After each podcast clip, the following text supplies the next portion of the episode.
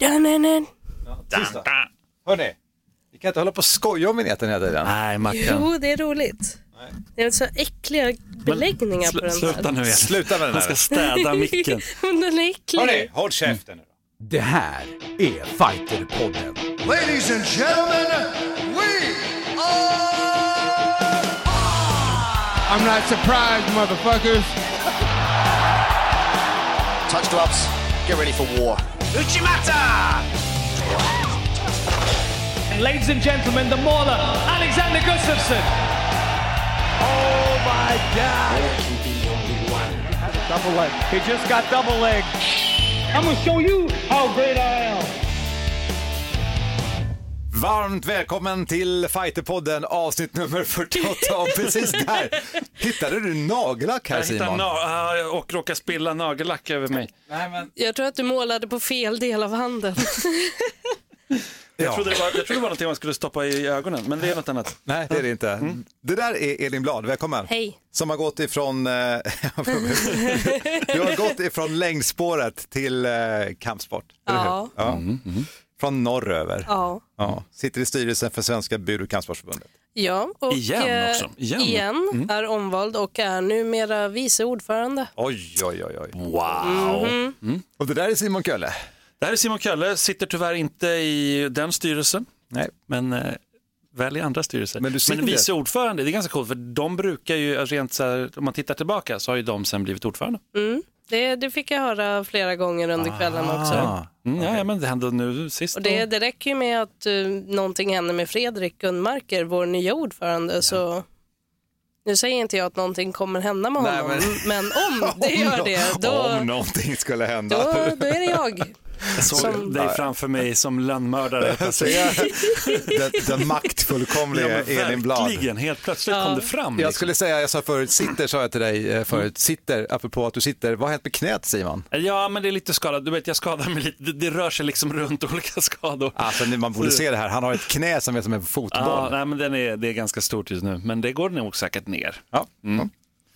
Och då kan ni fråga mig. Jobbigt. Ja, men Må- Mårten, Hur mår du? nej, men hur, nu, Mårten, du får berätta lite hur du har haft det senaste tiden. Du har ju varit borta, det känns som ett halvår, men det är säkert bara en vecka. Det var en vecka. I, i eh, Alperna, va? Chamonix var jag. Chamonix. Jag har åkt skidor. Det var ju fantastiskt. Veckan innan var tydligen jättedåligt väder och många veckor innan det. Och vi var där den bästa veckan. Bara sol och härligt. Hur många vurpor? Du, en sista rätt kul. Jag åker ju snowboard. Och det är Oj. roligt. Ja, visst vet du. Är det någon slags ålderskris Nej, eller vad är det som gjort ligger det? bakom? Nej, nej, nej. Nej, nej, nej. Jag har gjort det i 20 år så att det är det som är. Jag tycker, jag tycker pjäxor är så sjukt obekvämt och sen är jag gammal skateboardåkare så tycker jag att snowboard, så det börjar med typ så här, inte Han är coolare än man ser ut, Elin, jag lovar. Det var du som sa det, inte jag. har, har hon sagt någonting om mig? Eh, ja, det har hon ju garanterat gjort. Ja. Bara positiva Det jag ska saker. säga för är att det är så kul för att sista åket, man ska ju aldrig ha sista åket, men då har vi varit på toppen, kanske lite rosévin, möjligtvis, eh, och solat, alltså åker ner. Och så ska jag precis åka till liften och då är det en kille som åker rätt alltså, framför mig, så jag åker alltså tvär in i en kille, bara! Jävlar. Mm. Och min brorsa ser det här, Mackan som har väl producerat den här podden och bara, där typ dog Mårten. Jag blev helt, ingenting hände. Vad hände med den andra snubben? Nej, men han, han blev chockad och jag var chockad och tittade upp lite grann och så kom han fram, hur gick det, hur gick det, hur gick det sådär. Så pratade han engelska fast han var svensk, det kunde jag höra, så jag svarade direkt för han hade How svengelska. Men han var så chockad så han fortsatte prata engelska till mig och hittade inte orden riktigt. Jag bara, men det är lugnt, det gick bra. Sen kom jag hem och då kände jag i nacken att jag hade Nej. jag sträckt mig jättemycket, men det gjorde jag inte då när jag var mjuk. Liksom. men det kunde gått så mycket värre. Ja, Ja. men Det, det, bilderna därifrån har ju sett underbara ut, så Ja. du har säkert haft det jäkligt mysigt. Det har jag haft. Ja, det här är alltså Fighterpodden som nu går över till det som händer i dagens podd. Först ska jag säga tack för alla som har hört av sig angående förra veckans intervju, den här P.O. Lindvall, som vi själva var ganska stolta över. Mm, det känns ju verkligen som att eh, vi kan ta tillbaka honom hur många gånger som helst och alltid ha något att prata om som är intressant. Gå gärna in och lyssna på den, det är alltså avsnitt nummer 47. Det var han som startade Slagskeppet då, som är ja, en thaiboxningsklubb, legendarisk och Jörgen Krut har tränat det bland annat och Martin Holm och sånt där. Så att, men han berättade mycket om kampsportsträning och mental träning och sånt där, så det var kul att lyssna på. Själv men jag håller med dig Elin, man kan ta tillbaka honom och då kan man prata så här specifikt kanske om någonting. Hur ser du på det här eller den här? Liksom, Precis. Jätteintressant, superintressant. Hörrni, idag tänkte jag vi skulle ringa upp till eh, Erol Sahebdal, heter han va? Saindal. Precis, som arrangerar Nordic Fight Night. Det är en proffsboxningsgala i Uppsala nu i helgen. Den första tror jag till och med, första proffsboxningsgalan i i boxning. Ja. MMA har vi ju haft där, där har Irfa har varit där och så vidare. Just det. Men just i boxning, i Fyrishov. Så att det, det blir riktigt intressant. Och sen ska vi ringa till Las Vegas. Eh, Magnus the Crazy Viking Andersson är där och tävlar och eh, Uma Galli, hon som tog SM-guld nu. Just Och hon fick ju den här proffsmatchen alltså med bara några veckors varsel Häftigt, häftigt. och se lite grann hur de håller. De har kommit dit och varit där ett par dagar. Och sen ska vi ta upp det vi tog upp förra podden då, att det är dags för Kölles poängskola. Hur går det egentligen till? Wow, okej, så är det nu? Ja, Ja, du har inte förberett den än? Jag är inte Okej. ett dugg förberedd, men det sitter i bakhuvudet. Det här Han var har en alltså då- stor hög med papper på Det har skrivbordet jag framför verkligen sig. inte. Så. Absolut inte min i alla fall. Frågan vi har var ju då Ja. från lyssnare som sa, jag tittar på UFC, jag kan inte riktigt förstå ibland hur domarna dömer, hur går det här med poängsystemet till? Och även jag kan säga att jag inte själv hänger med alltid. Vi ska se om eh, du kan reda ut det där Eller hur? Simon. Det, det första steget brukar ju vara att man liksom erkänner att man inte förstår, Ja, eller att det är man jag. är beroende eller vad det nu än rör Jag sig är om. så klar i mig själv så det är inga problem. Så det är bra. Ja. Nej men visst, absolut. Det kan Ha. vi gå in på. Hörrni, innan kampsportsnyheterna, ni var ju på kampsportsgalan, den var ju här för någon helg sedan. Hur var det? Men det var vi. Ja, det var riktigt bra. Det var ja, spännande och du Elin struttade ju kanske inte direkt runt där, men du var i alla fall väldigt glad och härlig och nybliven då vice, höll på att säga vd, men jag menar givetvis ordförande och nej, men skämt åsido, så det var familjär stämning skulle jag säga. Det var det verkligen och det brukar det ju vara på de här tillfällena Mm. och det är, ju, det är ju då man verkligen får träffa hela stora delar av kampsport-Sverige och får chans att prata om lite allt möjligt. Pratar de bara fighterpodden med er? Kommer de fram till er och liksom Ja, men det- dyrkar den och sådär? Jag har faktiskt fått en del feedback. Jag har ju tagit min, mitt ansvar som distributör av det här ganska allvarligt. Och Mm. inte så mycket på Facebook för jag skriver aldrig någonting där men IRL så går jag fram till folk och säger åt dem att lyssna på podden. Det är bra. bra. och, eh, På stan liksom. Ja, nej, men, och lite av den feedbacken jag faktiskt har fått är att, vi, att det, det är lite för mycket som en intern klubb där alla redan känner till allt och alla namn och vet saker som har hänt.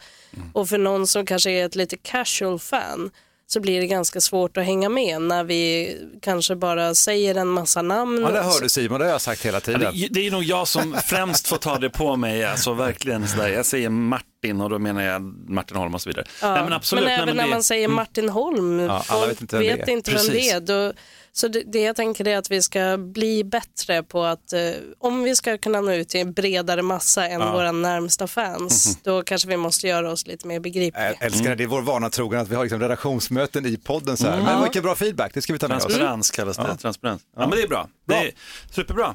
Fortsätt eh, ragga upp folk på stan och Ja. eh, fråga dem vad de tycker. Säg till mig vad ni tycker så får ni höra det här sen. Exakt. Precis, eller lyssna eller klappa ut. Det har du det. Hörrni, vi gör så här nu.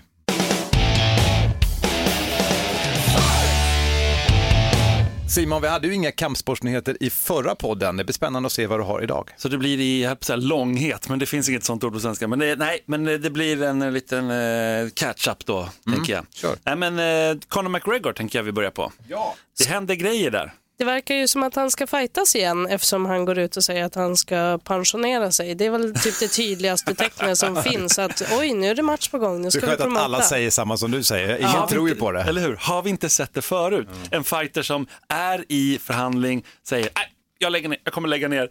Det är, liksom, det, det är typ det äldsta tricket i boken. Liksom, att han satt ju på Jimmy Fallon show och pratade om att han var i det och sen några timmar senare går han ut på Twitter och säger att nej, jag lägger ner. Ja, men det, är- det är ju så genomskinligt så det finns ju inte. Ja, och det, blir, alltså, det, är, det är svårt att ta den grejen på allvar faktiskt. Men vad är det han lockar efter tror du? Alltså är det någon speciell match? Typ Okej, jag kan tänka mig en sista match, men då måste det vara mot bla bla bla. Jag tror att han har flera matcher faktiskt än en. Jag tror han vill ha något, ett långt kontrakt, typ så här sju fighters kontrakt eller någonting. Så han kan ju ändå bara säga att nej, jag vill inte fightas något mer, så lägger han ner. Men vilken annan organisation ska han tillhöra? Liksom? Det, det är ju den som, är, som han kan köra med. Men eh, samtidigt, vi får väl se hur många fighter det blir. Liksom. Det är mycket som kan hända och det är ganska tuffa fighter för honom, men han har ju självförtroendet, det är inget fel på. Han tränar väldigt mycket. fantastiskt. Han och Dillon, din favorit Elin. nu himlar hon med ögonen. Ja, det syns ju inte i podd, men Nej, jag, men det jag himlade så mycket med ögonen att jag såg mitt eget bakhuvud. Ja, men E- Elin är ju väldigt mycket för det här med alfahanar. Det är Ja, precis men det är hon de älskar hon det mest. Hon, det är det du ska implementera nu i också styrelsen som vice ordförande då. Ja, men jag jag, det jag tänker mig en annan form av ledarskap. Okej. Nej, men jag fortsätter. Vi har ju Jorge Masvidal som eh, slog Darren Till i London och Darren Till, alltså otroligt mycket fans såklart i London, hemmaplan. Han blev knockad. Vad säger ni? Ja, men det var ju en knock. En rejäl knock. Ja. Det är alltid tråkigt när en stor hemmafighter knockas på hemmaplan. Vi har ju varit med om det tidigare. Vi vet hur dålig stämning det blir. Jo men eller hur, och sen var det ju mycket annars Ben Askren show, alltså han, han kom ju verkligen till London och var på liksom eh, fiendemark och körde en Q&A som blev smått legendariskt och så här. Han kör det här boom roasted, det, det, vilket för er som inte har sett det då eller sådär är det ju just att han han roastar folk eller han skämtar och driver med dem och mycket och sen säger han boom roasted. Och, då, och jag tycker någonstans känns det lite så här högstadiegrej, eller jag vet inte, lite Men har inte han fastnat lite där? ja, jo, Lite men, det här college frat boy grejen. Ja, nej men Ben Askren han är ju jättekänd från brottningen för er då som inte känner till honom. Han hade väl typ 87-0 sina sista 87 matcher i, i brottning och var på liksom absolut högsta världsnivå. Och gick över till MMA och är nu helt obesegrad och, fightades i One och slog bland annat Sebastian Kadestam där och så. Och han var obesegrad i One, han hade ju 17-0 record och sen Precis. så kom han över till UFC. Men det var ju en tråkig match, nu är det rätt länge sedan, jag får nästan tänka tillbaka lite grann här, men eh, det blev ju typiskt det här brottningsscenariot man hade tänkt sig med honom, var det inte så? Så blev det och det blev mycket snack om var det här, den här bulldog-choken och så vidare. Och så vidare. Men, men det, det känns som old news nu. Vi fortsätter lite med London tänker jag. Då Leon Edwards där vann ju på delat domslut mot Gunnar Nelson. Det, eller Gunnar, jag ska Gunnar Gunnar. Nelson kanske jag ska säga. Man är så van med att folk säger Gunnar. Men eh, ja, det var lite synd. Men på något sätt så... Vi gillar ju Gunnar. Vi gillar Ja. honom liksom, verkligen. Det känns som att han är typ svensk. Det går, mycket, det går mycket i vågor för honom känns det. Stundtals så går han verkligen som tåget fram och sen händer det någonting och han stöter verkligen på svårt motstånd. Men om man inte sett den här uh, YouTube-filmen som är ute nu med Gunnar Nelson från deras gym, Alltså det är ju ska vi fantastiskt. förklara den? Det är som en 80-talspastisch. Liksom en sån- Nej, nej, men det de gör är att det, de här Mjölnir MMA-gymmet som ligger då utom, eller i Reykjavik typ som är I Reykjavik. de rekreerar musikvideos. Så det är säkert många som har sett när, eh, när Gunnar och någon till eh, kör Sias video till eh, Chandelier. Där de då är klädda som den här lilla tjejen som dansar i den videon och hoppar omkring och gör den här expressionistiska dansen. Och den video som de la upp nu, det var ju på Erik Pryds Call on Me. Som Call kom Me, någon gång precis. där tidigt 00-tal. Just det. Och det är ju en ikonisk video. Och de har ju, ja det var ju fruktansvärt kul. Och det roligaste var ju att se när han la upp den här på Instagram och se typ alla så här supermacho brasilianska UFC-fighters kommentera på den bara what the fuck bro. Jag fattar ingenting. Fortsätter lite på Englandgalan där. Dominic Reyes som också var obesegrad, är obesegrad förut, slog ju Volkan Östemir där i en också delat domslut. Lite så här lackluster ma- match kan jag tycka, men eh, en vinst är en vinst. Liksom. Men jag tror att hans enorma hype, den dalade nog lite där. Man känner så här, hur ska han kunna slå Alex och eh, John Jones och de här? Det, det känns lite tveksamt nu. Ja, det är det. Verkligen. Eh, Volkan, vi kan ju hålla oss kvar lite med honom. Han eh, har ju nu, det, det är inte faktiskt officiellt men det är typ officiellt. Han kommer möta Ilir Latifi på eh, den första juni i Stockholm. Så Oj. att, eh, det, det kan bli riktigt häftigt. Någon som slår och sparkar superhårt. Jag tänker liksom, när mötte Ilir en sån sist? Det var ju nästan eh, Blahovic. och det, var just ju, det. det gick inte så bra, men, men jag vet inte. Ilir, eh, det känns som att Ilir har någonting som kommer ställa till det för Volkan, verkligen. Ja, det, är spännande, kul att det blir uh, UFC i Sverige igen. Ja, det, det kommer vi ju snacka såklart jättemycket om. Men vi fortsätter, det har varit en till UFC-gala. Det var ju alltså Thompson mot, mot Pettis. Där Pettis, eh, han har ju verkligen Det var nu i helgen, precis. ändrat, precis, förändrat sin Vilken karriär. nummer var det på den? Ja, den hette var väl en fight night, så det var väl deras liksom. Okej. Ja.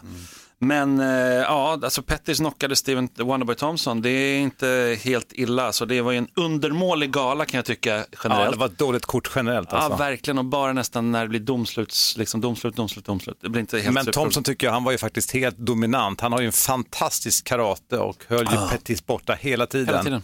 Och, hade liksom, och Pettis var ju helt sönderslagen. Mm. Jag tror inte det var knappt någon träff på Thompson. Och sen i slutet, och han Mm. Gjorde typ en sån här superman punch och nästan hade foten liksom i buren. Så han fall- Mm. riktigt, så här, riktigt snitt fick han. Och klippte honom, pang, och så var det stopp. Och det är där Thompson också haft problem, just det där när han, han bestämmer allting och då kan man slappna av lite, kanske släppa händerna och eh, no, just när han har någon mot buren. För det annars så backar de ju ofta bakåt när han går fr- fram och så backar han långt bak. Så att det, är, det var spännande. Han, men och, samtidigt till Pettys del så jobbade han ju med en gameplan. Det var ju tydligt, han försökte göra det, är inte kicks. Och, första, det är inte första gången han avslutar på ett oortodoxt sätt Men heller. Thompson har aldrig blivit knockad Nej, förut första gången. Men det som var, tycker jag, när man såg den matchen, jag, jag fick sån, det var kul för Pettis såklart. Ja, liksom. Men, men eh, alltså, Thompson var så här, det är inte sant. Mm. Han hade hela matchen, liksom, styrde den Mm. och så vaknade han upp.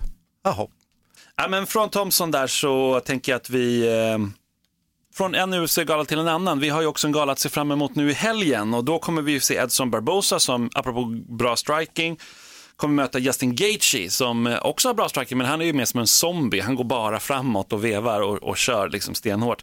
Så den, det blir roligt. Sen en riktigt tuff match för vår del, David Branch som möter Jack, the Joker Hermansson.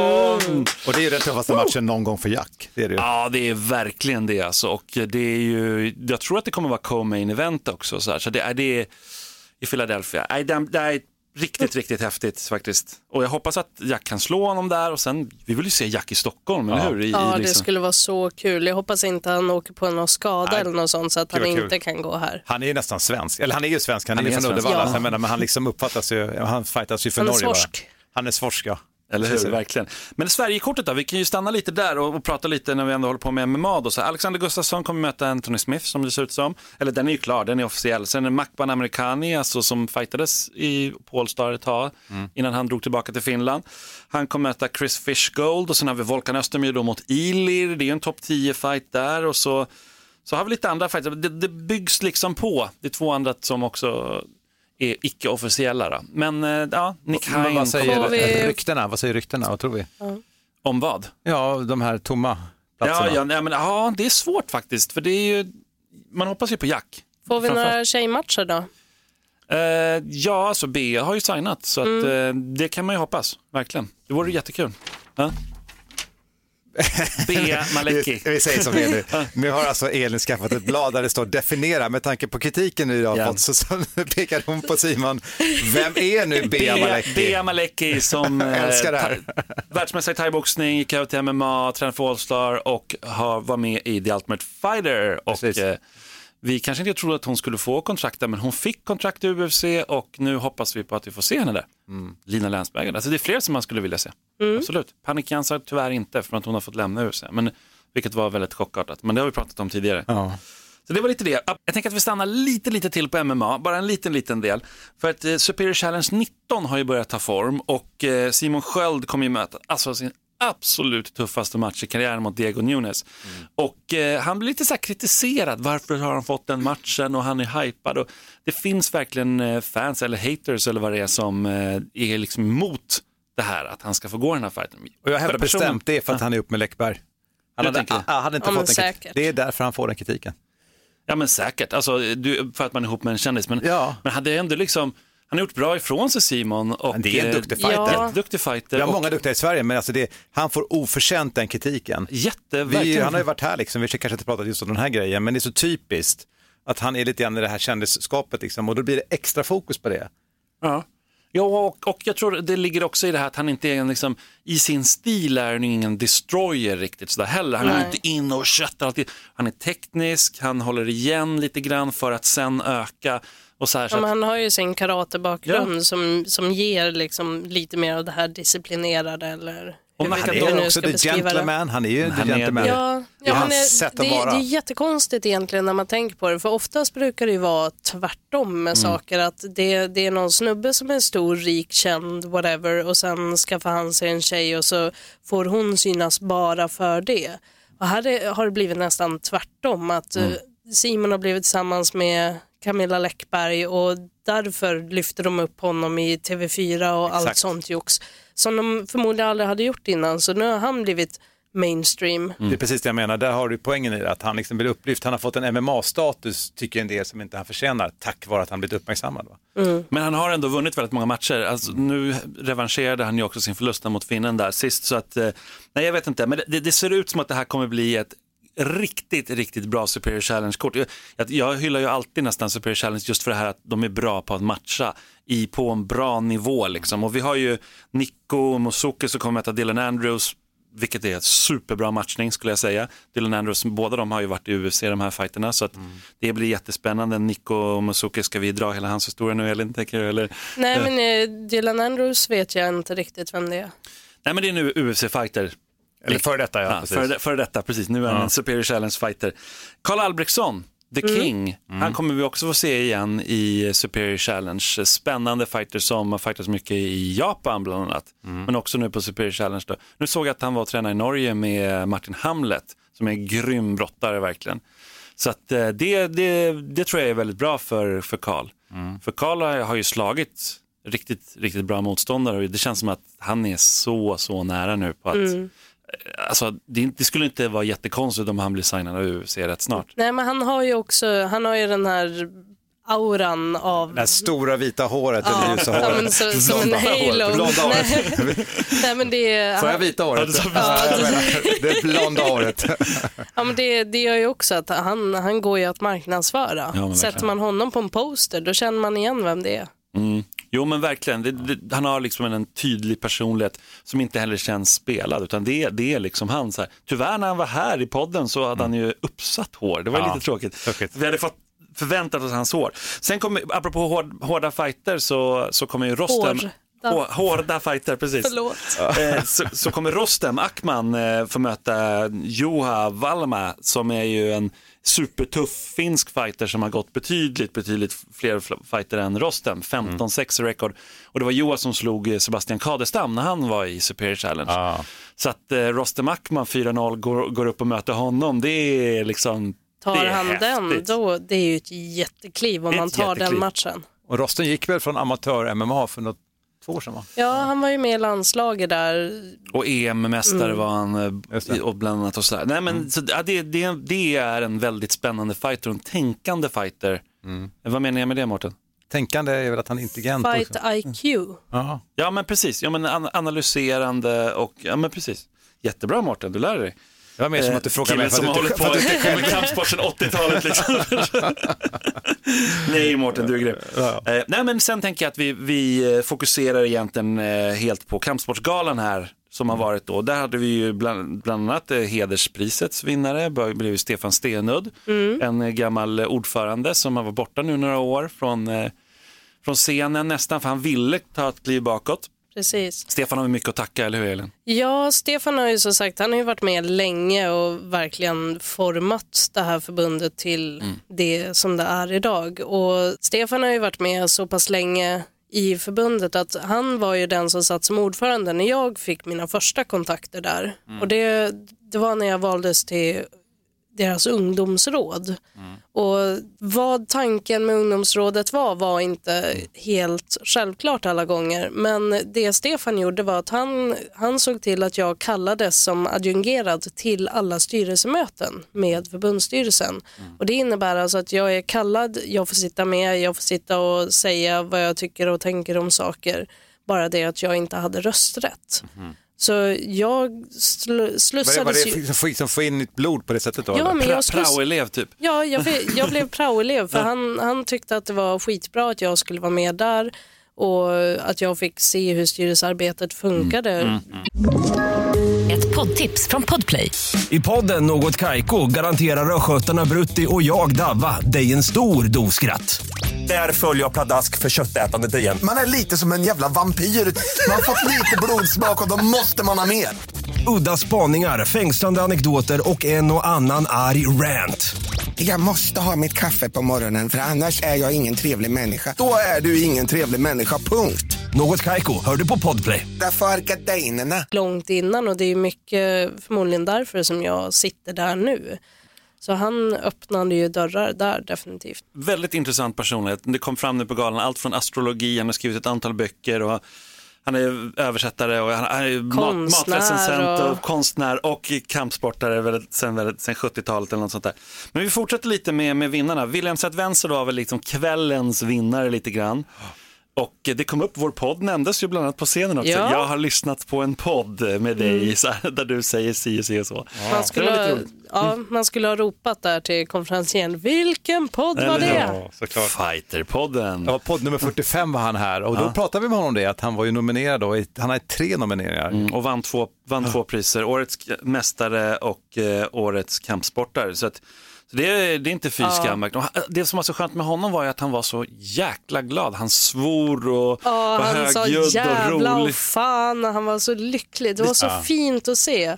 För först fick han då priset för årets mästare Mm. och var överväldigad över det. Och sen en halvtimme, 45 minuter senare så får han då priset för årets kampsportare som förmodligen är det tyngsta priset Ja, vi det är det. delar Det är det ju. ut. Det är det ju. Mm. Och han, han var ju helt uppe i Upplevde ni limningen. som var där att publiken också accepterade att det var det där, att han fick det priset? Ja, verkligen. Han hade så stort stöd där. Han är verkligen grym alltså, och det känns som att han också skulle kunna vara en förebild. Alltså, Verkligen. det- Känns det som på alla sätt och vis. Att, ja, men in och lyssna på, på det avsnittet med honom om ni är intresserade.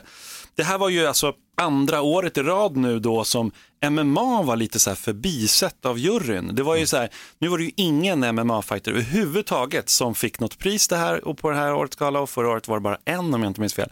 Tidigare har det alltid varit väldigt mycket. Så det känns ju som att någon form av trend, eller har inte juryn tänkt där eller bara ser man för varje kategori för sig. Det och så, fanns så blir det väldigt bara många någonting. Nomineringar för. MMA. Så det är ju det man får tänka på att det, det är ju bara en person som kan få priset men varenda nominering väger ju väldigt tungt för vi i, du har ju också suttit i juryn, man sitter ju med extremt många namn i varje kategori och Mm. försöker sålla ner det till de fyra. Men får jag fråga. Simon, tycker du att det här, är det rätt personer som har vunnit? Nu får du inte uttala det Elin. Eh, ja, alltså, det, det, det, i år var det nog bättre än förra året skulle jag säga. Alltså, Mm. alla de är värdiga, de som, som får bli nominerade och allting, inget Ja, men snack om det där, alltså. Men förra året var det ju mer ramaskri också. Det var ju ganska många där som var upprörda och, och det, är det sköna då från förbundets sida, det är ju det här att de gillar det. Alltså de, ty, de står för det. det ska, folk ska tycka. Vissa kommer älska det, vissa kommer hata det. Och det är själva grejen. Man behöver inte vara så rädd för det här. Åh, de är så kritiska, vi gör säkert fel. Nej, det är beslut man tar. Liksom. Nej, men sen är det också tror jag så här, men det är ju alltid tre stycken som är nominerade. Det är, Fyra, ganska fyra. långt, för, förlåt, men det är fyra stycken som är nominerade, det är långt innan. Så de här personerna går ju och laddar, det är ju som vilken gala som helst. Och så kommer den här kvällen och så ska du veta nu om du har vunnit eller inte. Och så var det inte du, så blir man lite pliktskyldigt glad för den andra personens skull. Men du har ju massa kompisar runt omkring dig och då blir det massa aspekter. Så här. Det blir ju mycket mer fokus på vem det är som vinner. Och då är det klart att då, då tycker folk som då inte vann eller de som är bekanta med den här personen, är det verkligen rätt det här? Man blir mer känslosam kanske. Så kan det nog vara. Så kan det nog vara. Sen är det väldigt svårt att värdera ett VM-guld där eller en proffstitel där och så Det vidare. jag menar. Det är Den, den är liksom knepig. Ja, men om vi tar lite fler vinnare så årets traditionella utövare vann ju Anders Pettersson, Shirinji Kempo. Årets genombrott Josefin Lindgren Knutsson, väldigt häftigt, thaiboxning. Thaiboxare har ofta, ofta gått väldigt bra och sådär. Och det är ju, så thaiboxning eh, känns ju som att det är väl representerat alltid på galorna. Jujutsu samma sak. Nu har ju också armbrytning klivit upp och fått mycket. De är väldigt väl organiserade, de är typ bara 300-400 pers. Men väldigt väl organiserade och då brukar man se det. Det är väldigt mycket så, eh, po- politik i det här, även om eh, man i juryn inte gärna vill se att det är så. Eh, vi har eh, årets mästarinna, Sofia Olofsson, också thaiboxning. I alla måste väl anse att hon är värd Ja, det- det. Alltså, hon kan vinna alla priser känns det som. Jag tycker att det är den mest solklara faktiskt. Ja, men hon är otrolig. Men Josefin också. Alltså, Ja, herregud sant, sant, sant. vad grym hon är. Alltså, verkligen. Mikael Kuntz, en fantastisk ledare i jujutsu. Mm. Återigen, jag vill ju bara att jag kanske låter surmulen och sådär, men jag tycker alla de här är värdiga. Alltså, verkligen, det här är superduktiga människor. Och sen årets förebild, då har vi Magnus Indian, eller Indien Lundgren i armbrytning då som och där tänkte man liksom, de andra som vi har hört, deras stories och sådär och Eva My kanske framförallt som eh, Eva My Persson som, som har haft en otrolig eh, story i MMA, hon blev sparkad hårt och fick en hjärnblödning och eh, läkte den och kom tillbaka och är nu i submission wrestling. Där tänker man, herregud, hon måste ju få det här priset. Och, men när han klev upp då, Magnus eh, Indian Lundgren där, så, och drog sin story, mm om sin bakgrund inom alkoholism och våld och allt möjligt så här, och hur han, han har kommit igen och hjälper folk. Då var han bara så här, ja.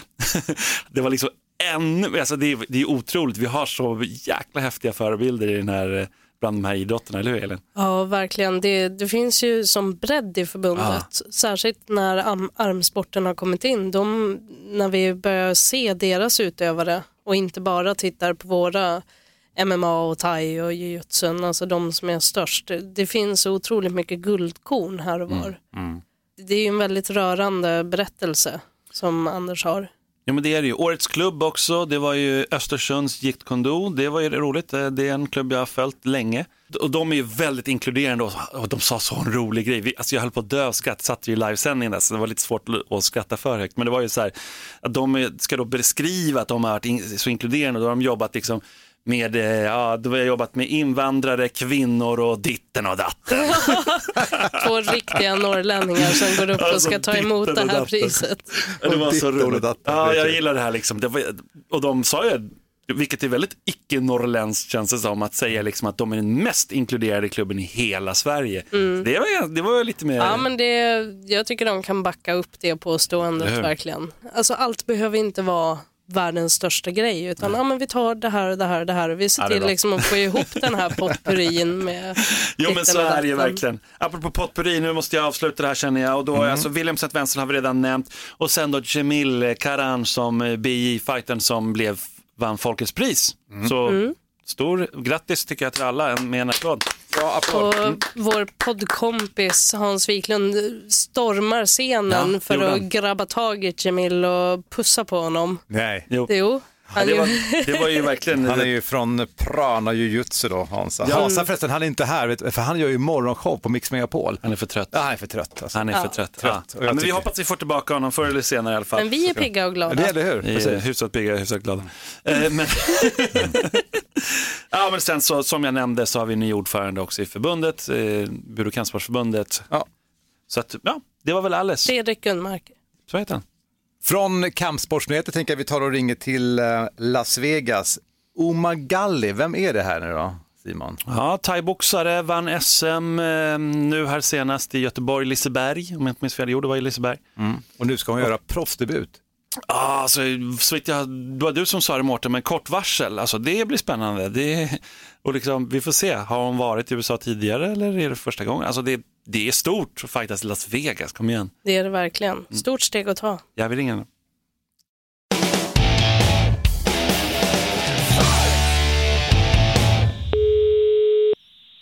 Hallå, hej. Det är Fighterpodden med Elin, Mårten och Simon som ringer. Tjena! Tjena, tjena. Var är du någonstans nu? Nu kommer jag precis upp till hotellrummet i Las Vegas. Och du ska tävla nu, igen. Ja, det är inte långt kvar nu, det är bara några dagar. Kan du berätta om den här matchen du ska gå? Vem är det du ska möta? Vilken organisation? Berätta mer, vi är nyfikna. Eh, jag ska möta en tjej som heter Magali Alvarez eh, och det är för, eh, på Lion Fight Promotions. Eh, och eh, det är för mig det är så jävla stort. Eh, jag fick veta det för en, ja, två veckor innan. Eh, så eh, fick jag höra från min tränare att eh, den här chansen har dykt upp. Och eh, ja, nej, det är helt galet. Helt galet. Du tog det med så kort varsel, vad häftigt. Ja, men jag var ändå... Jag har ju tränat inför SM. Eh, i, ja, vi tränade två månader innan och sen så när vi ja, så gick i SM. Eh, och eh, jag kände ändå att formen sitter kvar och eh, det var bara att börja köra igen. bara, bara. Du gjorde, ett jätte, du gjorde ett jättebra SM och slog en eh, veteran, eller liksom en riktigt känd fighter. Och blev, och blev själv känd på kuppen kan man säga. Eh, berätta lite om det. Alltså det en skithäftig upplevelse. Det var mitt första SM uh, eh, och det var väldigt bra organiserat. Uh, allt av Lingon Promotions hade gjort en väldigt fin uh, show både i kvalen och, och final. Finalgalan var helt otrolig. Um, och jag trodde väl aldrig att det skulle gå så långt men sen samtidigt så jag tror alltid på mig själv när jag fightas och det gick hela vägen. det var helt otroligt. Det Du måste, var du en, måste eh, säga det, bara avbryta det lite. Vem, vem var det du mötte? Och berätt, berätta. Therese Gunnarsson mötte Ja. jag i finalen. Mm. Eh, och hon är ju en väldigt meriterad fighter och jag vet att hon har varit med väldigt länge. Eh, varit med i landslaget eh, och sådär. Och eh, den matchen var tuff på många sätt för hon har ju mycket mer erfarenhet än vad jag har. Eh, och det märktes i ringen. Det var en eh, ja, men tuff fight. Men jag kände ändå att eh, jag drev, drev det framåt och eh, men samtidigt så är det så att när, när det står där, när det är klart, så jag har aldrig den här känslan att jag vet att jag har vunnit 100 procent, utan det är fortfarande helt obeskrivligt när armen åker upp. Och eh, just då SM-finalen var helt, den känslan är liksom obeskrivlig. Kunde du då föreställa dig att du sen skulle göra proffsdebut i Las Vegas kort därefter? Absolut inte. Jag hade ju en match eh, inplanerad eh, nu eh, förra helgen, men eh, den fick ju ställa in då eftersom att eh, det var Thompson och Bar Management som hörde av sig och hade kontakter här i, eh, på Lion Fight i Vegas. Och så var det ett avhopp, en eh, tjej som hade skadat sig. Um, och sen så ringde de mig och eh, det är väl fortfarande så här, jag tror fortfarande inte att jag har fattat att det ska hända liksom. Jag tror typ fortfarande att de ska ringa mig och bara, nej men gud det här, vi driver bara, och så att, Du, om vi hoppar tillbaka till eh, den där eh, stunden på SM-finalen, din hand åker upp. För våra lyssnares skull så kan vi bara berätta att efter att du hade vunnit då SM-guld så kommer den tidigare världsmästarinnan i viktklassen Josefin Lindgren Knutsson upp och utmanar dig då om din plats i landslaget. Stämmer det? ja, det stämmer. Vi behöver inte prata mer om den grejen om du känner för.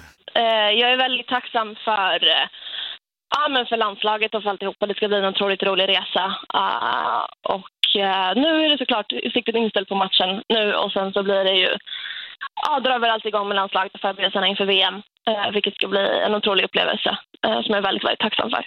Du kommer gå den här matchen nu. Vad tänker du sen? Alltså, sen är det att satsa på, på VM.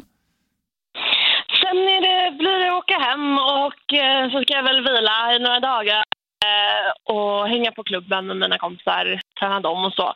Sen är det väl eh, sätta igång och träna igen eh, och jag hoppas att det blir någon match, några matcher innan eh, det är dags för VM, Thailand och så. Eh, så det blir vila dagar och sen på, på det igen. Då önskar vi dig eh, stort lycka till nu i din proffsdebut i Las Vegas, Uma. Tusen, tusen tack. Det låter så stort när du säger det. Ja, det är stort, det är häftigt, det är grymt. Det är jättehäftigt. Tack så mycket. Tack, Hej då. tack. Ha det gott. Detsamma. Hej. Hej då. Hej.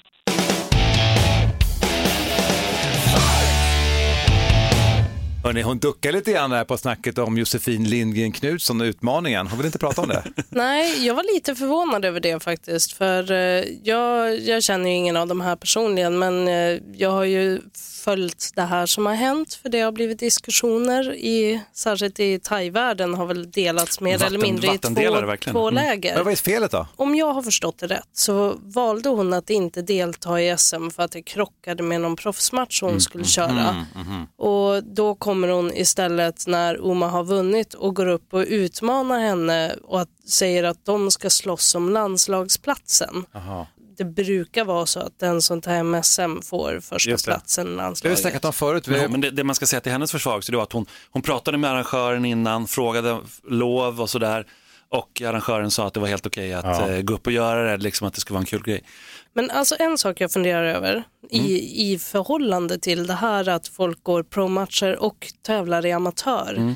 Det jag har mest erfarenhet av och vet mest om är ju MMA och där är ju reglerna stenhårda. Om du någon gång har gått en proffsmatch så får du aldrig gå tillbaka till att gå amatörmatcher. Då är den dörren stängd.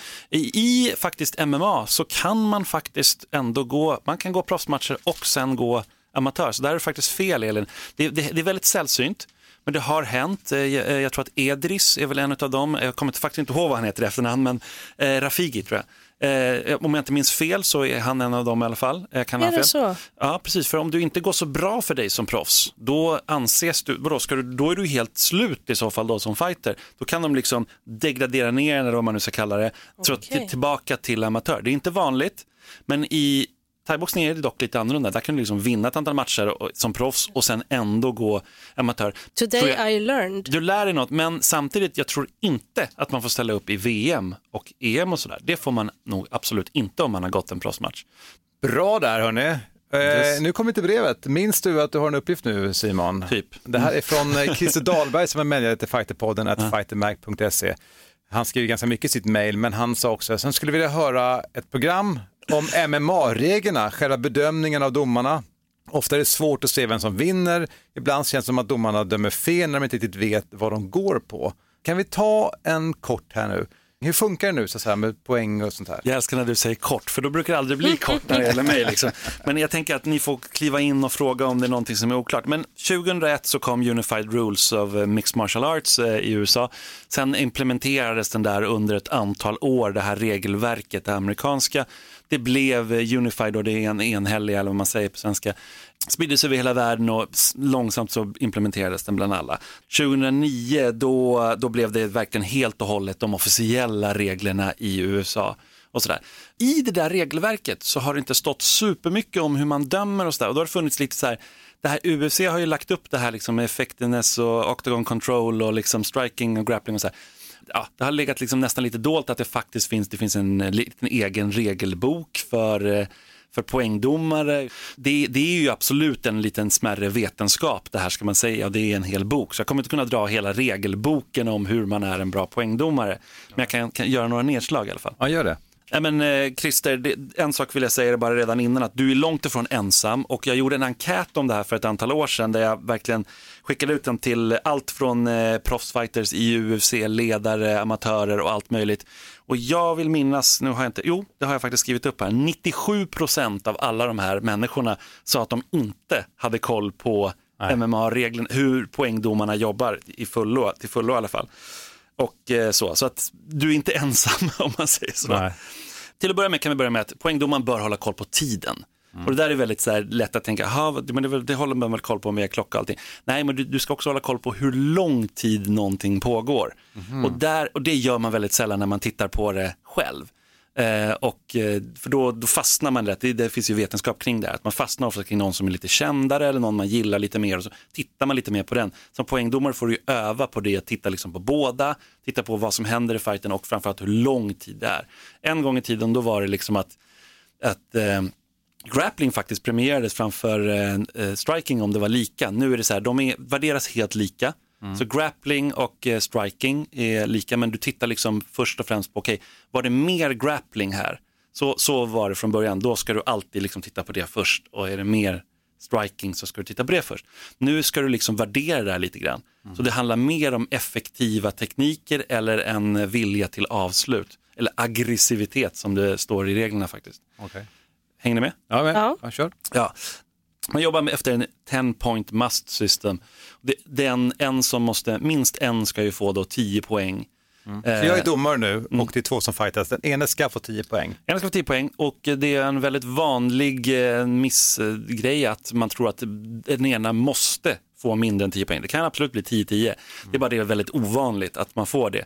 Och det här, det här där brukar vara lite lättare i min bild i alla fall. Jag vågar inte ta, gå ed på det här. Men lite lättare i amatör och när du jobbar neråt att det kan bli liksom lika. Men är det så att två fighters är precis helt jämna hela ronden så ska du faktiskt ge 10-10. Men det är ytterst ovanligt. Det är ju lite, just det där 10 must-systemet Mm. är ju lite underligt för om två är otroligt grymma, båda driver på fighten och det, det verkligen är jämnt på det sättet, då känns det ju relevant att ge 10 poäng till båda.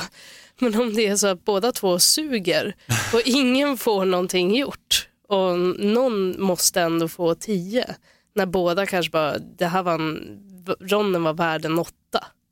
Ja, men så kan man inte riktigt döma. Det, det är ju liksom i paritet gentemot den andra då. Det är ju jämförelse med den. Då, så att, då kan du ju dock, om båda inte har gjort någonting, för det är så här exempel som man kan få när man kanske pluggar, eller pluggar kanske man inte gör till det här, men när man i alla fall utbildar sig, att då är det ju egentligen typ en 10-10. Det kan liksom inte bli 9-9 eller någonting sånt där, utan Mm. då är det ju i så fall det som gäller. Men vi har liksom 10-9, om det blir det då, då har du ju vunnit med liten marginal, säger det egentligen. Och jag skulle säga att väldigt, väldigt länge, det här kommer ju från boxningen, de här eh, 10 point must system, så var det ju så att nästan alla fighter var 10-9, alltså var- alla Ja, ronder var var det så, 10-9. precis. Men det Nu- känns väl väldigt standard. Det är Väldigt, ju inte standard. så ofta det kommer en 10-8. Precis, nu, nu är det meningen då i de nya reglerna att det ska vara lite lättare. Har du en stor marginal, det är faktiskt så det är uttryckt. Har du en stor, vinner du med stor marginal den här ronden, då ska det vara 10 10-8. 10-7 finns ju också. Och då ska det vara liksom att du har en total dominans hela ronden och eh, det är väldigt, väldigt ovanligt. Kan Eller om de tar bort det från poäng från dig också kan ju vara att du får ett Så straff. kan det vara. Ja. Så kan det vara. Absolut. Men, men det, då, är, då är inte det synonymt med att du blev nödvändigtvis Nej, eh, Nej. dominerad hela ronden. Liksom. Grappling och striking värderas som sagt lika mycket och det är någonstans som poängdomare då ska du ju titta på, eh, du, du har liksom en liten score sheet men du har också som en kategori eller så här, du du värderar det här först, sen tittar jag på det, sen tittar jag på det när jag ska hitta liksom vem som har vunnit ronden. Och då är det så att har det då varit mer grappling, då ska jag, då ska jag titta på det först. Men samtidigt så, jag menar, för en jag kan dra ett exempel istället som kanske är lättare då. Säg att ni två möts i en fight och Mårten ligger liksom och grapplar med dig och har det i dominant position, passerar din gard och allting i fyra minuter av fem. Du lyckas ställa dig upp Elin och smacka på Mårten så inåt i en minut. Och eh, hur, hur går då i så fall en sån rond, tänker man. Det är liksom, du har ändå fyra minuter av total kontroll och du har varit nära på att submitta henne och allting. Och da- då, ställ, då ställs man sig inför lite problem. Då var det så här, vilka tekniker var då mest effektiva? Och det där är ju där man kan också behöva lite utbildning. Och då kan det ju dels vara bra att från början med att titta, okej det var ändå fyra minuter han var riktigt nära att dra ut dig. Sen var ju du å andra sidan kanske ännu mer effektiv. Ska man till och med, för att du var nästan så nära på att slå ut honom, ska man nästan kanske värdera, och där kan det ju bli att man värderar olika. Att det är väl enkelt. där det oftast blir de här kontroverserna. När det är sådär svårdömt. Och då tittar man ett steg ner då. För om, efter effektiv striking och grappling, de ska man värdera lika mycket då helt enkelt. Så, och det är svårt där, hur värderar man dem lika mycket? När någon har fått jättemycket stryk stående eller när någon så här har passerat och varit hyfsat nära att submitta någon. Det blir lite så här, för det är också ett försvar, är också, bör ju också premieras någonstans. Men då tittar man steget längre ner och då är det effective aggressiveness som det kallas nu för tiden. De har faktiskt varit väldigt duktiga på att ta bort allting som heter skada och så, vilket Sverige har varit väldigt fram, eh, varit tidiga med. Det kallas istället impact och så nu, men allas, annars i, i Unified Rules var det alltid damage, att man skulle göra damage, men det har aldrig flygit i Sverige. Vi kan aldrig ha ett regelsystem här där det handlar om att göra skada på vår motståndare. Det är Nej, extremt då, då blir det sura idrottsministrar Ja, men och verkligen, dålig verkligen. stämning. Men då tittar man på effective aggressiveness, vilket betyder helt enkelt att aggressivt försöka avsluta matchen. Det där tolkas ibland fel. För att eh, är det då en fighter som backar väldigt mycket, Lyoto Machida backar väldigt mycket, men så fort personen kommer in så träffar den med ett slag eller någonting sånt där. Så kan du ju fortfarande vara effektiv och vara aggressiv i det. Men det är lätt att se att ja, men det är den andra som bara driver på. Ja, fast den springer in i slag hela tiden. Så att Ja. det är liksom, Det räcker inte med att bara slugga. Liksom. eller bara springa efter sin motståndare. Men jag är ju mest aggressiv. Ja, jo, fast det är liksom Ja, är effektiviteten är det, vikt- det är nyckelordet i sammanhanget. Sen har vi då fighting area control, det heter ju då, det här, i USA vill du gärna kalla det octagon control då. Fighting area control är det rätta ordet. Och det är helt enkelt vem som dikterar tempot och positioneringen också. Att passera och så har ju blivit, det här är också infört nu i nya, att det var med förut, då var det med att, att dominans och då kunde du egentligen bara vinna en grappling fight, egentligen, om man verkligen tittade på det i, bara i själva Unified Rules, inte i regelboken, då var det så här, den som ligger överst vinner. Vilket alla som har grapplats mer än en termin, typ, eller kanske ännu kortare, vet att du kan absolut vara dominant fast du är underst. och vara superfarlig och hota underifrån. Liksom. Exakt. Så att det, det, det är viktigt att, eh, många glömmer det där, liksom att, eh, en, en till sak här och det, är- det är det som kallas duration då, och det är det som handlar om tiden som går, hur länge du gör den här Ja, grejen. Och, och det ska jag säga att jag har nog aldrig sett några så här, som bara sitter hemma som så här, klockar. Nej, men nu var de 1.27 nere på Möj- backen. Möjligtvis du skulle kunna göra det. Men Ja, jag, jag har gjort det flera gånger, men oftast i efterhand då. För det är jättesvårt, alltså som fan, att se, titta på en Alex, eh, Alexander Gustafsson-match. Och försöka liksom titta på det som poängdomare. Alltså det, det, det är nästan Tid till och rum omöjligt. löses ju upp när man tittar på en match man bryr sig om. Ja men så är det ju och, och där kan man dock titta på den i efterhand. Det där var väl i alla fall lite info. Ja, jättebra, jag fattar faktiskt mycket bättre nu. Härligt. Ja, och, innebär, och sen kommer de upp då och, då och det är tre domare Det är tre domare, precis. som ger sina poäng helt enkelt. Som ger sina poäng och då har du vunnit alla tre ronder om det är tre ronders match så eh, då har du ju då 30 poäng. Och så har den andra antagligen 27 eller mindre då. Bra förklarat Simon. Och Jätteintressant, verkligen. du som lyssnar, vill du veta mer eller fler frågor? Det kanske kommer fighterpodden at fightermag.se. Från Kölles eh, poängskola ska vi ringa till Uppsala nu. Det är ju en proffsboxningsgala. Det är Nordic Fight Night. Precis, Errol Seindal ska vi snacka med. Riktigt spännande.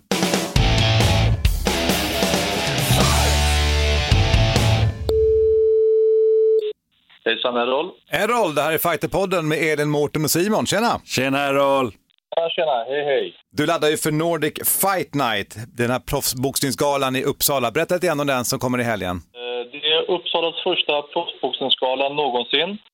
Och eh, vi kommer ha åtta fighter där vi kommer starta kvällen med två amatörmatcher. Eh, det är eh, två svenska ungdomsmästare från Morgongåva. Eh, sen kommer vi ha en dammatch och så kommer vi ha några fighter och slutligen eh, huvudmatchen med Salle från Morgongåva. Mycket morgongåva. Va- vart ligger morgongåva? Morgongåva ligger utanför Uppsala. Det, det är en klubb som min eh, gamla tränare Körmes Fredriksson har startat och eh, haft en, ja, jag kan nog tippa på en 15 år. Hur är det att arrangera en proffsboxningsgala? Är det stort intresse i Uppsala? Ja, med tanke på att jag har en ganska stor släkt i staden så kände jag mig ganska trygg. Eh, jag har ju gått omkring med idén väldigt länge och jag ringde en polare, Sebbe heter han, det är en barndomsvän till mig. Eh, och han har ju varit med och arrangerat lite event i staden och då kände jag att han är nog rätt person att göra det här med. Så att vi gick med idén till Welcome Uppsala, eh, det är ett eventbolag. Då tyckte de att det var en bra idé, det är första gången i staden. tänkte jag, ja det finns nog ett visst intresse ändå, den vägen. Mm. Ja men häftigt. Vad, är det någon speciell match du ser mest fram emot? Om du måste välja? Ja, absolut. Huvudmatchen Salle, det är hemmaplan för honom för första gången. Och jag tror nog att det kommer vara väldigt mycket släkt och vänner till honom på matchen. Så att, eh, den ser jag fram emot. Ja. Även om inte man kan komma dit så kan man även se det här också på livestreaming förstår jag. ja, det stämmer. Kommer livestreama det och eh, länken kommer man, kommer kunna hitta den på Nordic Fight Night på Facebook. Eh, där kan man gå in, betala 99 spänn så, så har man den hemma liksom. Mm. Då har man härlig lördagsunderhållning. Ja, ja. Ja, men vad spännande. Lycka till med arrangemanget i helgen och ha det så fint Erol. Ja, jag tackar så mycket. Tack för att ni ringde. Proffsboxning i Uppsala, spännande. Ja. Och nu vet du Mårten vart morgongåva, det kanske du visste redan innan. Det visste jag faktiskt inte, morgongåva. Nej.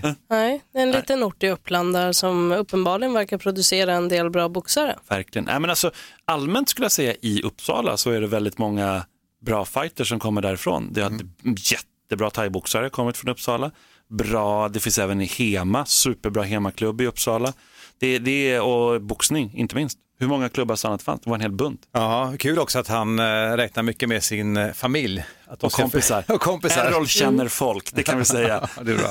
Och vill man se den här proffsboxningsgalan då, alltså Nordic Fight Night, så kan man gå in på deras hemsida och där kommer det finnas en länk så streamas det här också. Grymt. På lördag. Nu tänkte jag vi ska ta och knyta ihop podden med att ringa en gång till till Las Vegas. Där har vi ju eh, Magnus Crazy Viking Andersson som ska tävla i Lion Fight Promotion också. Spännande.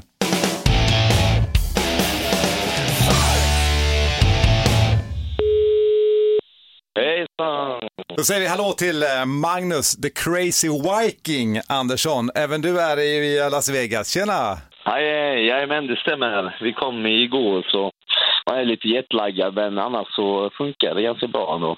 Ja, jag fick ju prata med Uma här ju och ni eh, peppar varandra förstår jag. Ja exakt, det är kul och i vanliga fall, det var ju tänkt att jag skulle fightas själv liksom eh, här så det är kul, jag fick lite svenskt sällskap. Eh, så eh, ja, det ska bli kul. Det är häftigt, det är häftigt. Berätta lite om vem du möter och, och så här. Och är, du, är du alltid iväg så här och fightas på det här sättet? I vanliga fall, jag, jag har ju min base i, eh, jag bor ju i Phuket och den precis som Penong där och de, de flesta matcherna har jag varit i Thailand det senaste året.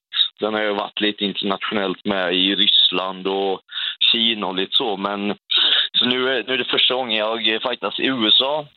Mm. Eh, han, han jag möter, jag vet inte så mycket om han mer, mer än när han är, eh, han är lite äldre, så han har lite mer rutin. Liksom. Han är 38 och, och kört lite... Eh, han kör både MMA, och kickboxning och lite muay thai också.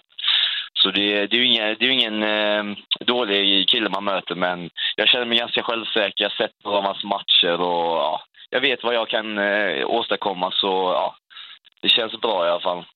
Det här är ju en, eh, det är en stor gala och det här är ju uppmärksammat. Det är ju, de har ju bra tv-kontrakt och sådär. Det blir ju en liten eh, upplevelse, eller hur? Ja, exakt. Jag är skittaggad för eh, det här är ju första matchen ehm, jag går för Lion Fight. För jag ska ju signa ett fyra fights kontrakt med den här organisationen. Så, så det kommer ju eventuellt bli fler matcher. Vilket som är väldigt kul. Få fightas lite mer internationellt. För nu har jag, ju fa- jag har mött de bästa, bland de bästa Tyson i Thailand i, eh, i, i Top King World Series har jag fightats mycket i. Och, så nu efter all, allt slit och alla vi- vinster jag fått där, nu äntligen så får man synas på en annan del, del av världen liksom. Kommer alla de här matcherna ut, utspela sig i USA på det kontraktet? Det, det är faktiskt inget jag vet eh, klart för tillfället, men jag, jag kan tänka mig att det kommer nog eh, eh, det kommer nog bli eh, Europa med, verkar det som. För de har ju börjat köra mer event i Europa. Eh, det, det bästa hade ju varit att få gå i Sverige om eh, de kommer dit. Liksom. För det, nu, är det ju, nu är det ju ett tag sedan jag fightas hemma i Sverige.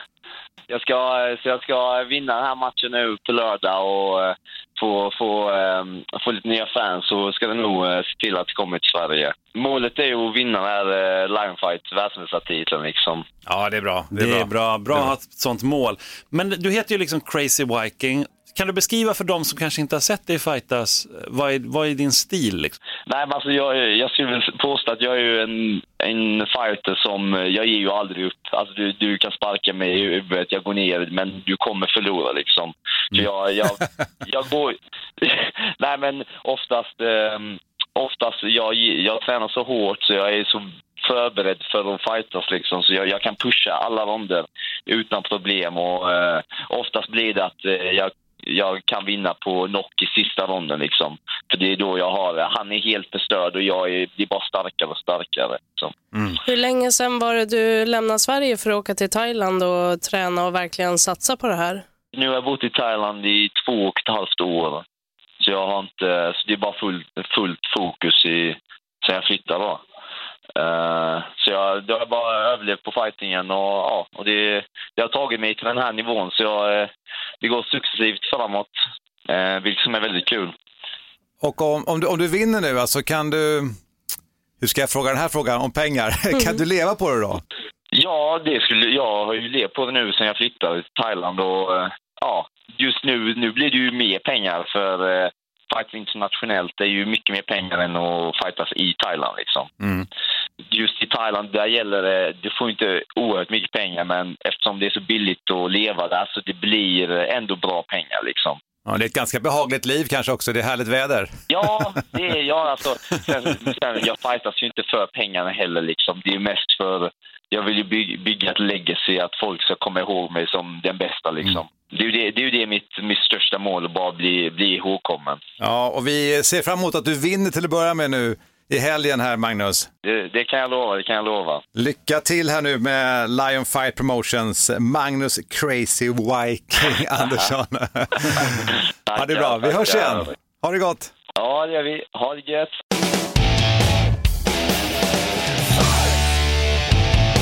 Härligt liv ändå han har, Magnus. Han bor i Thailand, nu är han i Las Vegas. Han är ursprungligen från Halmstad. Ja, du ser. Häftigt. Nej, men det är verkligen, vilken, vilken resa. Ja, spännande där med de här fyra matcherna han har på kontraktet. Vi får väl se vart han, om han kanske kommer att fightas lite closer to home. Ja, att det här Lion Fight Promotions kommer till Europa. Eller hur? Ja, men jag tycker det är väldigt häftigt med att vi har så bra svenska fighters som är ute i världen och fightas. Jag tycker det är skithäftigt. Vi snackade om det förut, men jag nämnde det, att de har något eh, tv-kontrakt, de här Lion Fight Promotions, Mm. i att USA, så det kommer vara rätt mycket tv-täckning på det här. Då. Det, är- alltså, det är ju en sak att bli känd som fighter, Mm. du måste ju synas. Det är en begränsad del som går till själva arrangemanget, men eh, tv är ju viktigt för det här. Va? Så är det ju. Så är det verkligen. Men har du koll på det här också, det här tv-kontraktet de har, de här Lion Fight Promotions någonting? Nej, men det var du som nämnde det bara. Mm, det, det det är lite spännande. en stor tv-täckning i USA på det här. Det är ser viktigt att tänka om man är fighter att man vill synas. Och eh, det kan ju vara ett steg till för Magnus att han, om man nu vinner och många ser det så kan det vara en bra start. Och liksom. för Uma också. Ja, exakt. Kom, komma där som en helt, ja nu ska jag inte säga att hon är helt färsk men hon är ju väldigt ny på den här stora internationella scenen och att få den räckvidden kan nog vara jävligt bra. Hon var en doldis innan eh, SM, säger det, de flesta som jag känner inom thai-världen i alla fall. Mm. Och så går hon upp, vinner, slår tre skott och så, nej det är wow. Ja, vinner hon här så kommer hon göra ett namn av sig direkt. Alltså. Mm. Det låter ju som att vi ska bjuda hit henne vid något tillfälle. Det tycker jag, det tycker jag verkligen. Hörrni, det har varit en lång podd idag. Vi har mycket vi har pratat om. Jajamensan. Eh, och vi har pratat då som sagt med Erol som har den här Nordic Fight Night. Vi pratar nu med Magnus Crazy Viking Andersson, Lion Fight Promotions. Likadant då Umagali som ska göra sin debut här. Och så var det ju din eh, poängskola där Simon. Bra jobbat med den. Så jag har pratat med Elin om hennes vice ordförandeskap Ja, också, som, som ofta brukar innebära att man sen blir ordförande. Vi får se, det har ju varit så de senaste gångerna i alla Ja, fall. stay tuned. Eller hur? Hörrni, vi tar och knyter ihop idag då. Ja. Elin Blad, Simon Kölle. Jajamensan. Jag heter Mårten Söderström. Ni når oss på fighterpodden fightermag.se och om allting funkar så ses vi och hörs om två veckor. Tills dess, Oss!